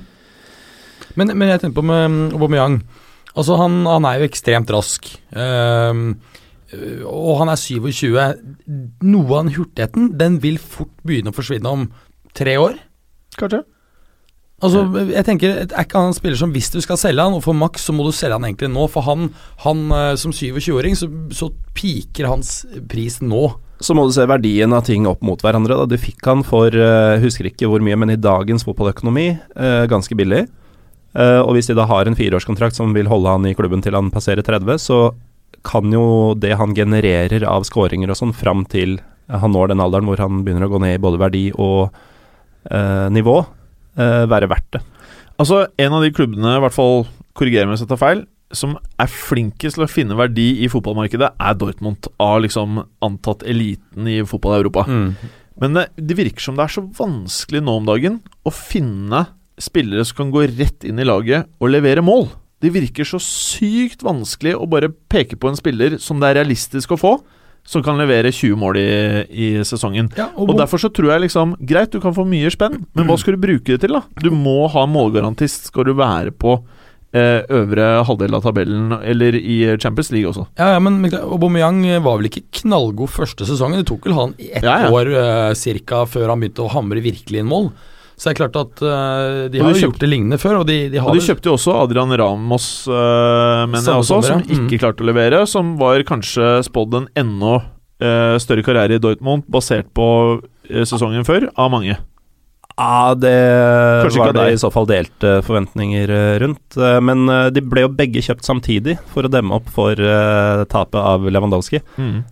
og det var litt uklart hvem av dem som skulle ta det fra starten av. Ramos hadde hatt en veldig god sesong for Herta sesongen før, men det var også første gang i karrieren han leverte. Det henta jo også han italieneren. Sant det, Immobile. Ja, Giro Immobile. Mm. Han, han, var vel, ja, han, han, var vel innom um, Han var vel innom, var innom Sevilla? Han var innom et eller annet sted i Spania. Mm. Mislykkes der, men han hamrer jo inn målet for Lazio gjør. okay. uh, så uh, typisk sånn italiener som ikke fungerer utenfor hjemlandet. Ja, de må være i Italia. Ja, ja. De må bli knadd. Ja. Uh, jeg må titte. uh, Gallosen. neste oppgjør. Nå må vi gå videre. Du kan ta ett til. Jeg tar Frankrike, da. kjapt nevne at PSG slo Rennes 4-0, men mer interessant syns jeg er at Monaco moser Nancy 6-0. Eh, det er riktignok litt flatterende i og med at tre av måla kommer fra 87. minutt og utover, men Er det han Falcao El Tigre som er tilbake, eller? Falcao som et par dager i forveien putta to i Champions League, putter ja. to igjen. Eh, begge etter eh, i løpet av første halvtimen, så kampen er most. Ja, det er så fett at Falcao er tilbake. Ja, ja, det er, det er, han, han, ser så porno ut. Ja, har du sett dama hans, eller? Nei, hun er sikkert helt Hun er ikke som Lorelei Taron, tror jeg heter. Eh, var du har sånn, ikke sånn googla henne! jeg tror hun heter det! Hun var sånn musicalstjerne i Buenos Aires da de bodde der. Ja, Veldig søtt. Og Gallosen, du må droppe oppgjør fordi vi skal snakke om det her. ok. Men, men jeg var så fan av Jeg var så fan av i Atletico. Det er sånn noen spillere som du bare sånn digger. Og jeg, er, jeg har vært litt lei meg fordi at han har slitt litt. Men skal jeg fortelle hva som var problemet hans? Han var veldig ute etter penger. Ja, Fordi at eh, ja. han Jorge Mendes Ja, han er veldig til Gestifot AS, holdt jeg på å si. Han sa bare ok, nå skal vi én sesong dit, ja, så, så, får jeg 10% av de. Og så én sesong der skal jeg 10% av det, og så får du så mye sign-on-bonus. Til slutt så har han vært i uh, liksom fem av de ti største klubbene i Europa på fem år, liksom. Men jeg tror den opprinnelige planen når de uh, dro til Monaco, Monaco, var at da skulle han tilbake skulle han til Real etterpå. Ja. Eh, fordi at da, hadde, da vil han ikke For de har jo en sånn ikke-aggresjonspakt ikke sant, mellom Atletico og, og Real. Og um, Florentino var jo veldig veldig keen på Falcao. Ja, han, var pen, ja, ikke sant? selger masse drakter. Vi vet at colombianske markeder er stort. Her er det mye drakter å selge. Ja. Eh, men så ble det jo Hames istedenfor, da. Ja, ja. Mm. Men, um, men, det er morsomt at han er tilbake og, og gjør det bra. Ja. Eh, for, fortell den. Kan jeg, Også, ja. Nei, uh, jeg må nevne uh, det som kanskje er verdens største spisstalent. Og okay. i hvert fall vil jeg tro verdens beste 17-åring. Uh, Noe for Dortmund? Kylian Mbapp kommer innpå for Hva kalte han? Kylian Mbapp kommer innpå for Monaco og bruker ikke lang tida på å putte. Han er et ordentlig varsko for fremtiden. Varsko? Ja. ja. Sammen med Thomas LeMar for øvrig, som uh, Tottenham-supportere fortsatt husker med gru. Han uh, ble nå tatt ut på landslaget for første gang. Kanskje du Men, kan bli scout for Jan Peder? Kanskje, kanskje Ja. det. Jeg, har en, jeg så en fyr da jeg var i Georgia, som jeg egentlig skulle tipsa Torgeir Bjarmann om for lenge siden. Jeg glemte. Hva heter han? Uh, jeg kan Vi har, vi har én spiller fra Georgia og har tre andre på prøvespill. Uh? Så Georgi fra Georgia har vi. Ja, men uh, ikke han jeg tenker på, tror jeg. Men kan vi gå videre? Mon- Monaco opp på 26 poeng. NIS taper sin kamp og er uh, Ja, følgelig bare tre poeng foran PSG og Monaco. Så nå er det for øyeblikket wide open i Frankrike. Veldig nå bra. kan du gå videre. Har du fortalt Nei. Det er en liten digresjon. Ja. Vet dere hvorfor um, Det finnes ikke små digresjoner Nei, nei altså, Balotelli gjør det bra, og det syns jo alle er litt morsomt. Ja. Så uh, har det kommet, kommet frem hvorfor han gjør det bra. Og det er at um, de har ikke gitt ham noen regler i det hele tatt. Så de mener at han faktisk fungerer best når Mm. han bare får leve sitt liv på en vill og gal måte. Mens i, i, i Milan så hadde de visstnok basically Altså alle har jo klubbregler. Og det må Balotelli også forholde seg til. Men han, i Milan hadde han et eget sett regler som visstnok var en blåkopi av eh, det italienske flyvåpenets regler. Så var så st- Kunne ikke røyke og ikke drikke noe seg. Altså var helt sånn nazi på Kunne ikke spise noe dårlig mat, og det var og helt sånn psycho. Og så fikk han nøkler til treningsanlegget. Og Ja. to, de første månedene så var jo alt uh, well in paradise. Ja, ja, ja, ja. Og så ble det jo helt uh... Ja, var det Galliano var ute og sa, sa at bare, ja, jeg, jeg har gitt nøklene til treningsanlegget til Balotelli, for han kommer først og går sist hver dag. Bare yeah, right. Må jo skyte inn da at det har ikke gått veldig mye mer enn en måned uh, Nei. i NIS foreløpig, så vi får se. Nei. Nå skal vi videre. Jan Peder Jalland. Real Sociedad, Atletico Madrid. Har du noe du skulle sagt der? Her vinner jo Real Sociedad 2-0. Altså Ferguson sa noen ganger at det, det handler ikke om attacking football or defending football. It's about competitive football. Og det var to veldig kompetitive lag i kampen. Sociedad presser, jager og trykker og har en veldig sterk identitet. Veldig opptatt av å utvikle egne spillere med regler for hvor mange som skal være i A-tropp. Så det er plikta til å ta opp spillere uansett hvem som er hovedtrener. Ehm, og de vinner kampen 2-0 gjennom to straffespark. Så unødvendig er Real Madrid, eh, de to skåringene. Carlos Vela, eh, interessant på topp for Sociedad. Det er ofte han som skaper noe for dem. begge lag hadde sjanser. Og så føler jeg litt at Atletico mangler litt på den der ekstra, den intensiteten, det trykket i spillet, som pleier å komme gjennom sesongen. Eh, og Så blir det interessant å se om det gjør det i år også. Ja. Real Madrid Jeg vet ikke hvordan man uttaler dette her. Eh, Du får korrigere meg, Gallosen. Le, le, Leganes Legans le, Nei, det var fransk. Leganes. Vi går for Leganes. Leganes. Starter med et uh, fantastisk bakromsløp av uh, Bale uh, om bra ball inn bak. Uh, hvor han kommer keeper. Er litt heldig, går keeper tilbake og kommer forbi. Um, når jeg har sett Real Madrid i år, så syns jeg de har vært um, energiløse i presset sitt. Og vært litt kjedelig å se på, men de klarer å skru opp tempo helt vanvittig i enkeltsituasjoner som gjør at det alltid lukter mål. Um, samtidig så har det vært et lite interessant Real Madrid-lag å se på så langt, og så er Bale kommet ordentlig i gang nå. Mm. Og, og er god for de, og, og klarer å skape mye. Hva er din take av eh, CR7? Er, vi, er du en av de som kanskje føler at han nå, med alder og har spilt eh, eller kjørt kroppen ganske hardt i forhold til veldig mange andre fotballspillere, eh, tror du han er på hell, eller er dette her bare en formkurve? Jeg tror det er en formkurve. Ja, jeg tror det, Vanskelig altså. å si. Jeg tror det, også. Mm. Du håper kanskje han skal til United etter hvert? Nei, han tror jeg har gjort sin jobb i United han Ja, ja. skrev fem år nå. Ja, ja, han gjorde det. Sevilla-Barcelona. Jeg eh, håpet og trodde at Sevilla skulle ta dette her. Eh, det var egentlig litt skuffende. For jeg, det, Sevilla for meg i år er et lag jeg ønsker vel. Det er Mm. noe deilig over hele Sevilla. Jeg tror mange av oss husker Chile fra tidligere VM-sluttspill med Sampaoli. Eh, og han holder på å få inn en ganske annen spillestil, noe som resulterte i ekstremt mye mål for og imot i starten. Så har det begynt å stabilisere seg litt mer etter hvert, men ønsker å få spillere opp i press, aggressive. Holder på i litt sånn eh, svermepress, hvor det er veldig mange rundt ballfører, veldig aggressive. Han er da veldig avhengig av å ha riktige spillertyper i laget, litt som Klopp i Liverpool. For det er en spillestil som er veldig krevende. Um, så Sevilla er et veldig interessant lag å følge, og kan også spille veldig god fotball. Så, så det er veldig uh, spennende. De leder 1-0 uh, mot Barcelona men uh, etter en god kontring. Men det gir Barca to kontringer som Barca tar på, på en veldig bra måte. Første goalen hvor Messi rettvender seg i midten på en ball som er chippa inn til den. Eh, venner, og Neymar er aktiv, dribler, legger tilbake til Messi. Det er sånne type skåringer som er fantastisk å se på. Eh, og de skaper også noen andre sjanser som er veldig, veldig høyt nivå på angrepstrio. Eh, men så opplever vi også at med midtbanespillerne de har nå, så er det ikke det samme nivået på fotballen, på spillet. Du kan presse de mer, du kan vinne flere baller av de. Um, Hvorfor tror du det? Er, det? er ikke midtbanespillerne like bra, eller er det det at de har forandret måten å spille fotball på? Nei, Det har forandra litt ettersom det er litt andre spillertyper, uh, tror jeg mest av alt. Men det er klart, hvis du tar Ekshavi ut av hvert lag i hele verden, så vil det ta tid Ja. før du finner en type som er i nærheten. Og når Niesta også er ute, så gjør det også noe med spillet. Så nå har de litt mer mobilitet i midtbanen, litt mer løpskraft. Og så har de en angrepstrio som er sluppet veldig fri, og som er helt eksepsjonelle. Hvem tror du vinner La Liga? Jeg tror Barcelona vinner til slutt. Tror du det, ja? Ja. Og etter Barcelona, da? Så tror jeg det blir Real Madrid og så Atletico. Buongiorno, monsieur eh, Berger Bergolini. Buonasera. Det er kveld nå.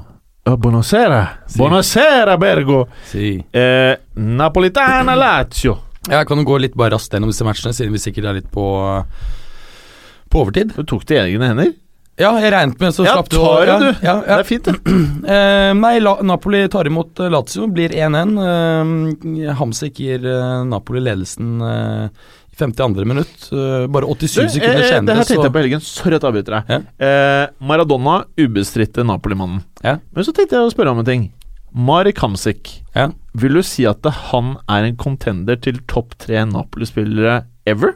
Lojal type? ja, det tror jeg han er, kan fort være, men han er ikke i nærheten av Maradona. Nei, det sier jeg ikke. men jeg sier bare er- at han, han var en fyr som har vært aktuell i så mange år for andre klubber. Er Ja. det det at han er lojal mot Napoli, føler du? Eller er det det at han ikke var god nok for andre klubber?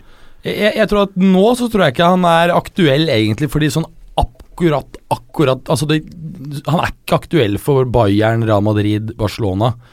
Ehm, men det har jo vært mange som har prøvd å hente han, eh, men han har takket nei, og han er jo kjempepopulær der. Og eh, vært lojal og er Ja, men, men jeg tror at han uh, Han de siste par årene kanskje har vært litt mindre aktuell, fordi at han tok jo ikke de stegene det kanskje så ut til. Han har vært stabil.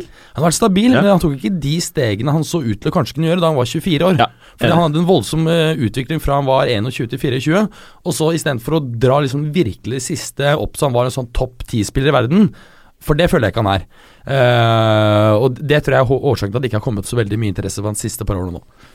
Men um, han gir altså da uh, Napoli ledelsen, og bare 87 sekunder senere så skårer eh, Lazio uh, ved Keita, årets raskeste redusering i Serie A. Napoli lider under at Milik er skadet. Gabbiadini har ikke greid å ta rollen som, som midtspiss. Ligger på en, eh, en skuffende sjetteplass med 21 poeng. Ni poeng bak eh, Juventus som, som leder, og det er klart at eh, de må enten få på plass en, en ny spiss i, i januar. Nå ryktes det vel at Milik allerede er tilbake i trening, så muligens han er tilbake allerede på, på nyåret. Men med den utviklingen som er nå, så skal de få kjempe ganske hardt for å få topp tre-posisjon i Champions League, altså. Kievo Juventus. Ja, Juve vinner 2-1. Mandzukic uh, gir Juve ledelsen i eh, 53. minutt, før eh, Kievo-legenden Sergio Pellissier skårer på straffe i eh, eh, 60, eh, 66. minutt. Han har nå vært i eh, Kievo i 16 år, han er jo 37 år gammel. Fått én landskap for Italia, og eh, har skåret faktisk 120 ligamål, som er ganske decent. Eh, men Det er vel en av hans siste sesonger, men han skårer i hvert fall. Pjanic eh, har en fantastisk eh, frispark der på eh, ja, 75. minutt som gjør at Juventus får seieren, og leder ligaen med 30 poeng. Ja, videre. Roma Bologna. Roma Bologna 3-0. Um, Salah som skårer hat trick. Første mål i 13., så 63., og så 71. Oppe i åtte ligamål. eh, to bak uh, Djeko og Icardi som sitter med ti, og Roma er eh, bra form. 26 26 poeng, og ser ut som det er de som er nærmest å kunne på en måte presse Juventus helt inn her eh, i kampen om ligatittelen, men det kommer ikke til å skje. Men eh, Inter, som egentlig har føltes som et stort kaos, på tross av at de har faktisk en tropp, de uh, kliner til eh, 3-0 mot uh, Croton. Ja, mot Crotone. ja. Eh, Crotone, som for øvrig har en del problemer fordi de er linket til en, en Drangheta-mafiaen. Og jeg tror han eieren har satt i fengsel, og det er, det er litt sånn småkaos. De Veldig Serie A, med andre ord. Veldig serie A. De, de ligger, på bunn, ligger på bunnen av ligaen og kaver. Det første målet jeg, jeg skrudde bare på, så lo jeg meg skakk i hjel. Det var liksom 0-0 da vi var eh, godt over 8 minutt, men jeg gadd ikke å se videre. Og så hamrer plutselig Inter inn 3-0 på, på tampen der. To mål av Første målet av Perisic, eh, assist til Icardi, før Icardi skårer to selv. Eh, det er klart at Han har jo levert knallbra på tross at Inter sliter veldig. Jeg forstår jo for øvrig ikke hvorfor ikke Juventus heller kjøpte han enn uh, Higuain, selv om Icardi er en drittsekk for øvrig. Ja, virker som tidenes douche, ass. Ja, etter sitt største asshole Ja. Det er vel fullt mulig at Juventus har lagt merke til det. Når det er ja. fordi Higuain er jo supersympatisk og liker mat og Ja, ja. Han er Koser glad- seg han er glad i mat. foran peisen. Ja, ja. Ja, det er fint, det. Ja. Kan vi gå videre, eller? Eh, ja, kan jo også nevne at Inter har fått ny trener. Det sparket jo De Boer, ikke sant? Dette var første ligakamp etter at De Boer ble, ble sparket. Og det, det sier også Han litt føler jeg Stakkars De Boer. Ja, altså eh, Hva forventer du? Altså, de, de, de eh, sacka Manzini to uker før ligastart. Han kom vel inn ti dager før ligaen startet, og så får han altså Han var, han var vel 84 dager? Altså, mener, Han ble most, da. han ble helt most, og han sa i, i forbindelse med de samtalene han hadde med Inter, at han trengte tid fordi han skulle ha den og den spillestilen, bla, bla, bla. Og så får han altså Bla, bla, bla. Det er første gang jeg hørte Ja. fotballuka. Ja, bla, bla, bla. Ekspert. videre, Det er ekspert, ass! Bla, Ja, bla, Ja, bla. men ikke sant, og så videre. Og han fikk fikk har- altså Det betyr 84 noe veldig dager. dypt på nederlandsk. Ja. Ah, ok. Nei, men ikke sant. øh, Jeg, er helt enig, man ble helt most. Nå har de da ansatt øh, tidligere Lazio-trener Stefano Pioli. Jeg tror ikke han kommer til å få mer enn maksimalt til neste sommer. Veldig bra. Siste, er det var siste matchen. Ja, jeg skal legge til at øhm, Milan vant uh, sin match og ligger på tredjeplass med 25 poeng. Det er vel det laget sammen med Atalanta som ligger på femte med 22, som har overrasket mest. Veldig bra. Ja. Nå? Ferdig? Ja. Sikker? Ja. Fint, det.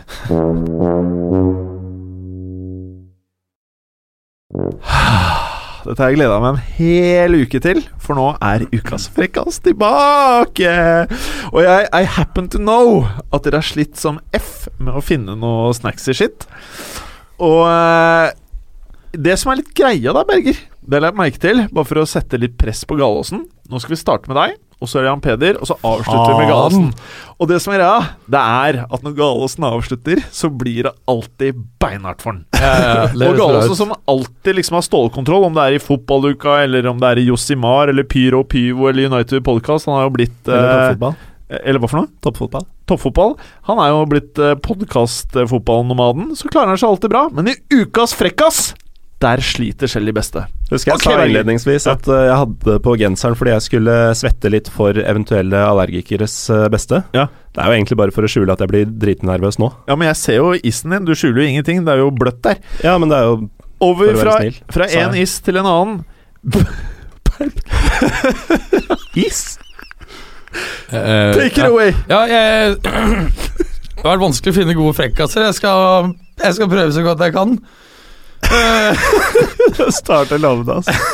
Jeg skal begynne med Sol Campbell, Jeg stiller eh, Arsenal Spurs eh, stoppeklippen. I forbindelse med Arsenal Spurs-kampen i forrige uke, så fikk han i oppgave å sette opp sin kombinerte beste elver av spillerne som er nå.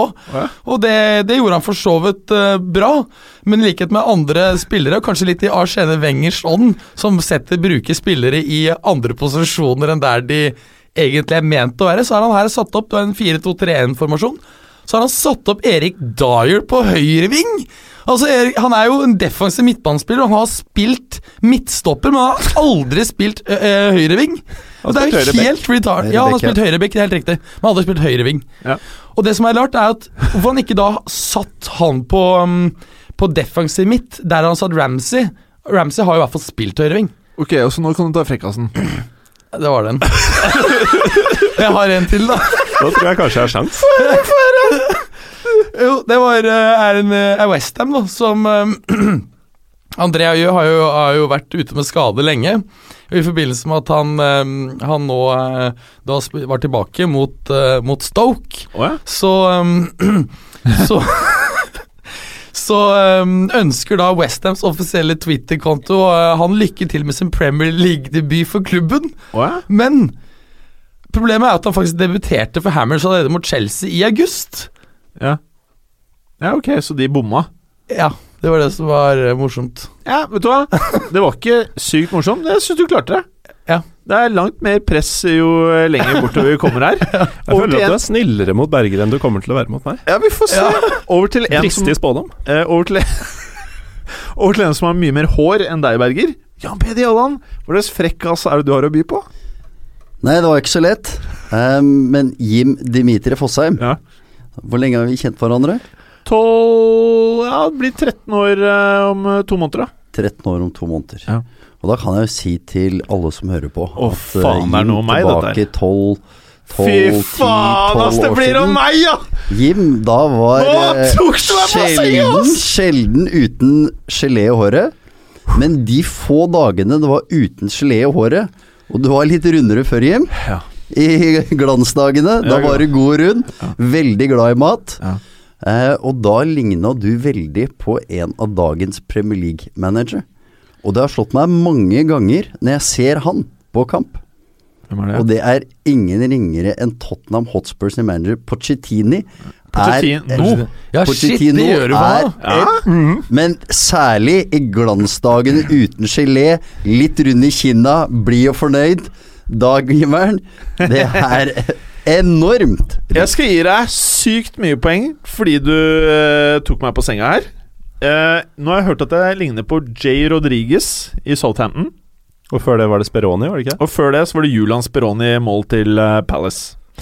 Eh, og jeg ble jo eh, i, eh, I gamle dager så hadde jeg en Twitter-konto som het at Jim Speroni. Og jeg ble jo i visse kretser bare kalt Speroni. Og visse av gjestene som er innom studioet vårt her i Moderne Media, kaller meg jo fortsatt for Speroni. Så jeg har ligna på mange, tydeligvis, men takk. Jeg vil jo faktisk si at Porcettino er den jeg helst vil ligne på av de tre, da. Veldig bra frekkas. Høres nesten ut som et uh, eldre bilde av Jim Fosheim bør finne veien til uh, Instagrammen vår. Ja, det kan vi godt uh, ta. Men uh, Gallosen, nå kan ikke du maskere det vi har ventet på. Det er din ukas frekkas som jeg gleder meg aller mest til. Hva har du for Jeg var jo så desperat at eh, jeg gikk inn på fotballuka-facen tidligere i dag og trygla lytterne om hjelp til å finne en god frekkas. Og det eneste jeg fikk, var likes. Yeah! Eh, nei, Bra, lytter du ja, jeg, jeg var jo på Åråsen på søndag og møtte flere av spillerne på puben uh, som feira at man ikke rykka ned uh, etterpå. Jeg kunne jo fortalt om hva jeg så der, og vunnet denne med glans, men det som skjer på Martins, blir på Martins. Det er noen stygge gutter blant de, den gjengen der. Men den som vinner denne runden blant de jeg har sett på, det var Gary Lineker. Oh, ja. Vi husker kanskje at han i fjor eh, var så gæren, liksom. Sånn skikkelig vill at han uh, lovte å stille i underbuksa på sesongens første match of the day dersom Leicester holdt helt inn. Ja. Og det gjorde han jo, men det er jo liksom ikke noe spesielt, fordi uh, man tror jo at alle programledere og nyhetsopplesere og sånn som sitter bak et bord, uansett ikke har på seg bukser. Så det var på en måte ikke noe stort. Men Men jeg har på meg bukse. nå er det bare å hente fram eh, Leicester-sympatien igjen. Fordi nå har han kommet med et nytt, eh, en ny lovnad. Oh, ja. Og det er at eh, dersom Lester Leicester forsvarer tittelen, okay. så skal han eh, i beste sendetid eh, stå på hodet, Ja. naken, okay. mens han blir slått med kjepper av Alan Shearer og Ian Wright. Det var bra! ja, Det var bra frekkas! Jeg må gi applaus, da. Det er jo veldig, veldig bra. syns jeg bygde den opp bra. Ja, veldig bra. Jeg trodde du var på glattisen. Jeg var helt sikker på at dette kommer til å bli slakt. Det er så lett, da. Å, herregud, en bra frekkas. Fra meg. Ja, fra deg. Ja. Jeg vil si, uh, Jan Peder Ja, han Eh, vant jo. Uh, Du moste programlederen samtidig som du satt ut programlederen, og kom med en helt overraskende vri. Og du tok faktisk innersvingen på hele programmet med det du gjorde. Så gir deg åtte poeng av ti. Mats Berger, 10. Du var all over the place på første. Og så prøvde du å Og jeg merket at du prøvde å legge på på slutten av historien din, fordi du visste at du var ute og kjørte. Og jeg syns jo det er litt gøy. Så jeg gir deg faktisk sju poeng. Hæ?! Jeg gjør det. Jeg har faktisk en, det... liten ekstra frekkas. Ta den? Kanskje, kan ja. Kanskje du kommer Ja. forbi han, Peder? Ja, det er uh, Loreiko Shelnis som, uh, som um, blir mobbet litt av uh, lagkameratene i Arsenal fordi han ikke er på, på eh, Twitter, blant annet. Han er ikke noe Han er litt sånn tekno, uh, Han er litt teknofob. nerd. Litt tek, nei, teknofob. Han okay, er litt liker ok. ikke helt eh, Og det han eh, kan Han har teknofobi, mener du? ja, Teknofob, da er du vel sikkert veldig glad i tech? Nei, teknofob er jo å ha en som er teknofob. Ja, det er det kanskje, ja. teknofobi. Ja, Mm, nå, ja. ja. Eh, Det han kanskje. nemlig nå har um, har eh, avslørt, da, er at han eh, Det er ikke bare når det gjelder Twitter og, og, og slike ting. Det gjelder også spill, i motsetning til mange andre fotballspillere som liker å spille Fifa. Ja, de liker det, vet du. Ja, ja, de gjør det. Så foretrekker han brettspill, og da spesielt Scrabble. Ja. Ja. ja, det var den beste du hadde. Går jeg opp fra syv poeng da, eller? Nei. Nei, okay. Du, Ned til seks, kanskje. Ja, du, du blir på sju. Gallåsen, din er faktisk på åtte, den nå. Ja, det, Det var veldig, veldig bra. Gi meg å bli sosialdemokrat. Det her tror jeg ikke noe på. Ja! Men seieren går selvfølgelig ikke til Morten Gallosen, men til Jan Peder Jalland. Men eh, da må jeg få lov til å si Hvis du hadde sett Galåsen tredd oppi i hjørnet med en rød sky bak seg, så hadde du sagt han er vinneren. Og jeg kunne jo selvfølgelig sagt det samme om Jan Peder Jalland, som også er tredd opp i et hjørne med en rød sky bak seg. Og hva skal vi si om uh, han siste her? Han heter Mats Berger. Og han er tredd Ingen steder. Han sitter lenger vekk fra hjørnet enn det vi gjør. Du sitter langt ja. Jeg vet ikke om lytterne skjønte en dritt av dette her. Nei, vi må få dette Men- på video etter hvert. Men uansett, Ja, da får du sett Jan Peder, førsteplass. Andreplass til Gallåsen, tredjeplass til Berger. Og Jan Peder, eh, jeg mener jo at eh, du er eh, en mirakelmann å ha i studio når det gjelder fotballpodkaster. Og som sagt, jeg elsker denne tremånedersregelen vår, og jeg kommer til å være veldig nøye med den. Eh, og så skal vi prøve å holde det litt kortere for deg, for jeg vet at det er mye som skjer i livet ditt. Og tusen takk for at du ble med. Veldig hyggelig. Takk for i dag, Takk for i dag. Takk for i dag. Takk for i dag. og takk for i dag. Takk for at du hadde høre på. Vi er Fotballuka på Twitter, Facebook og Instagram. Følg oss gjerne. Men bare få høre. Den tror jeg blir litt fet.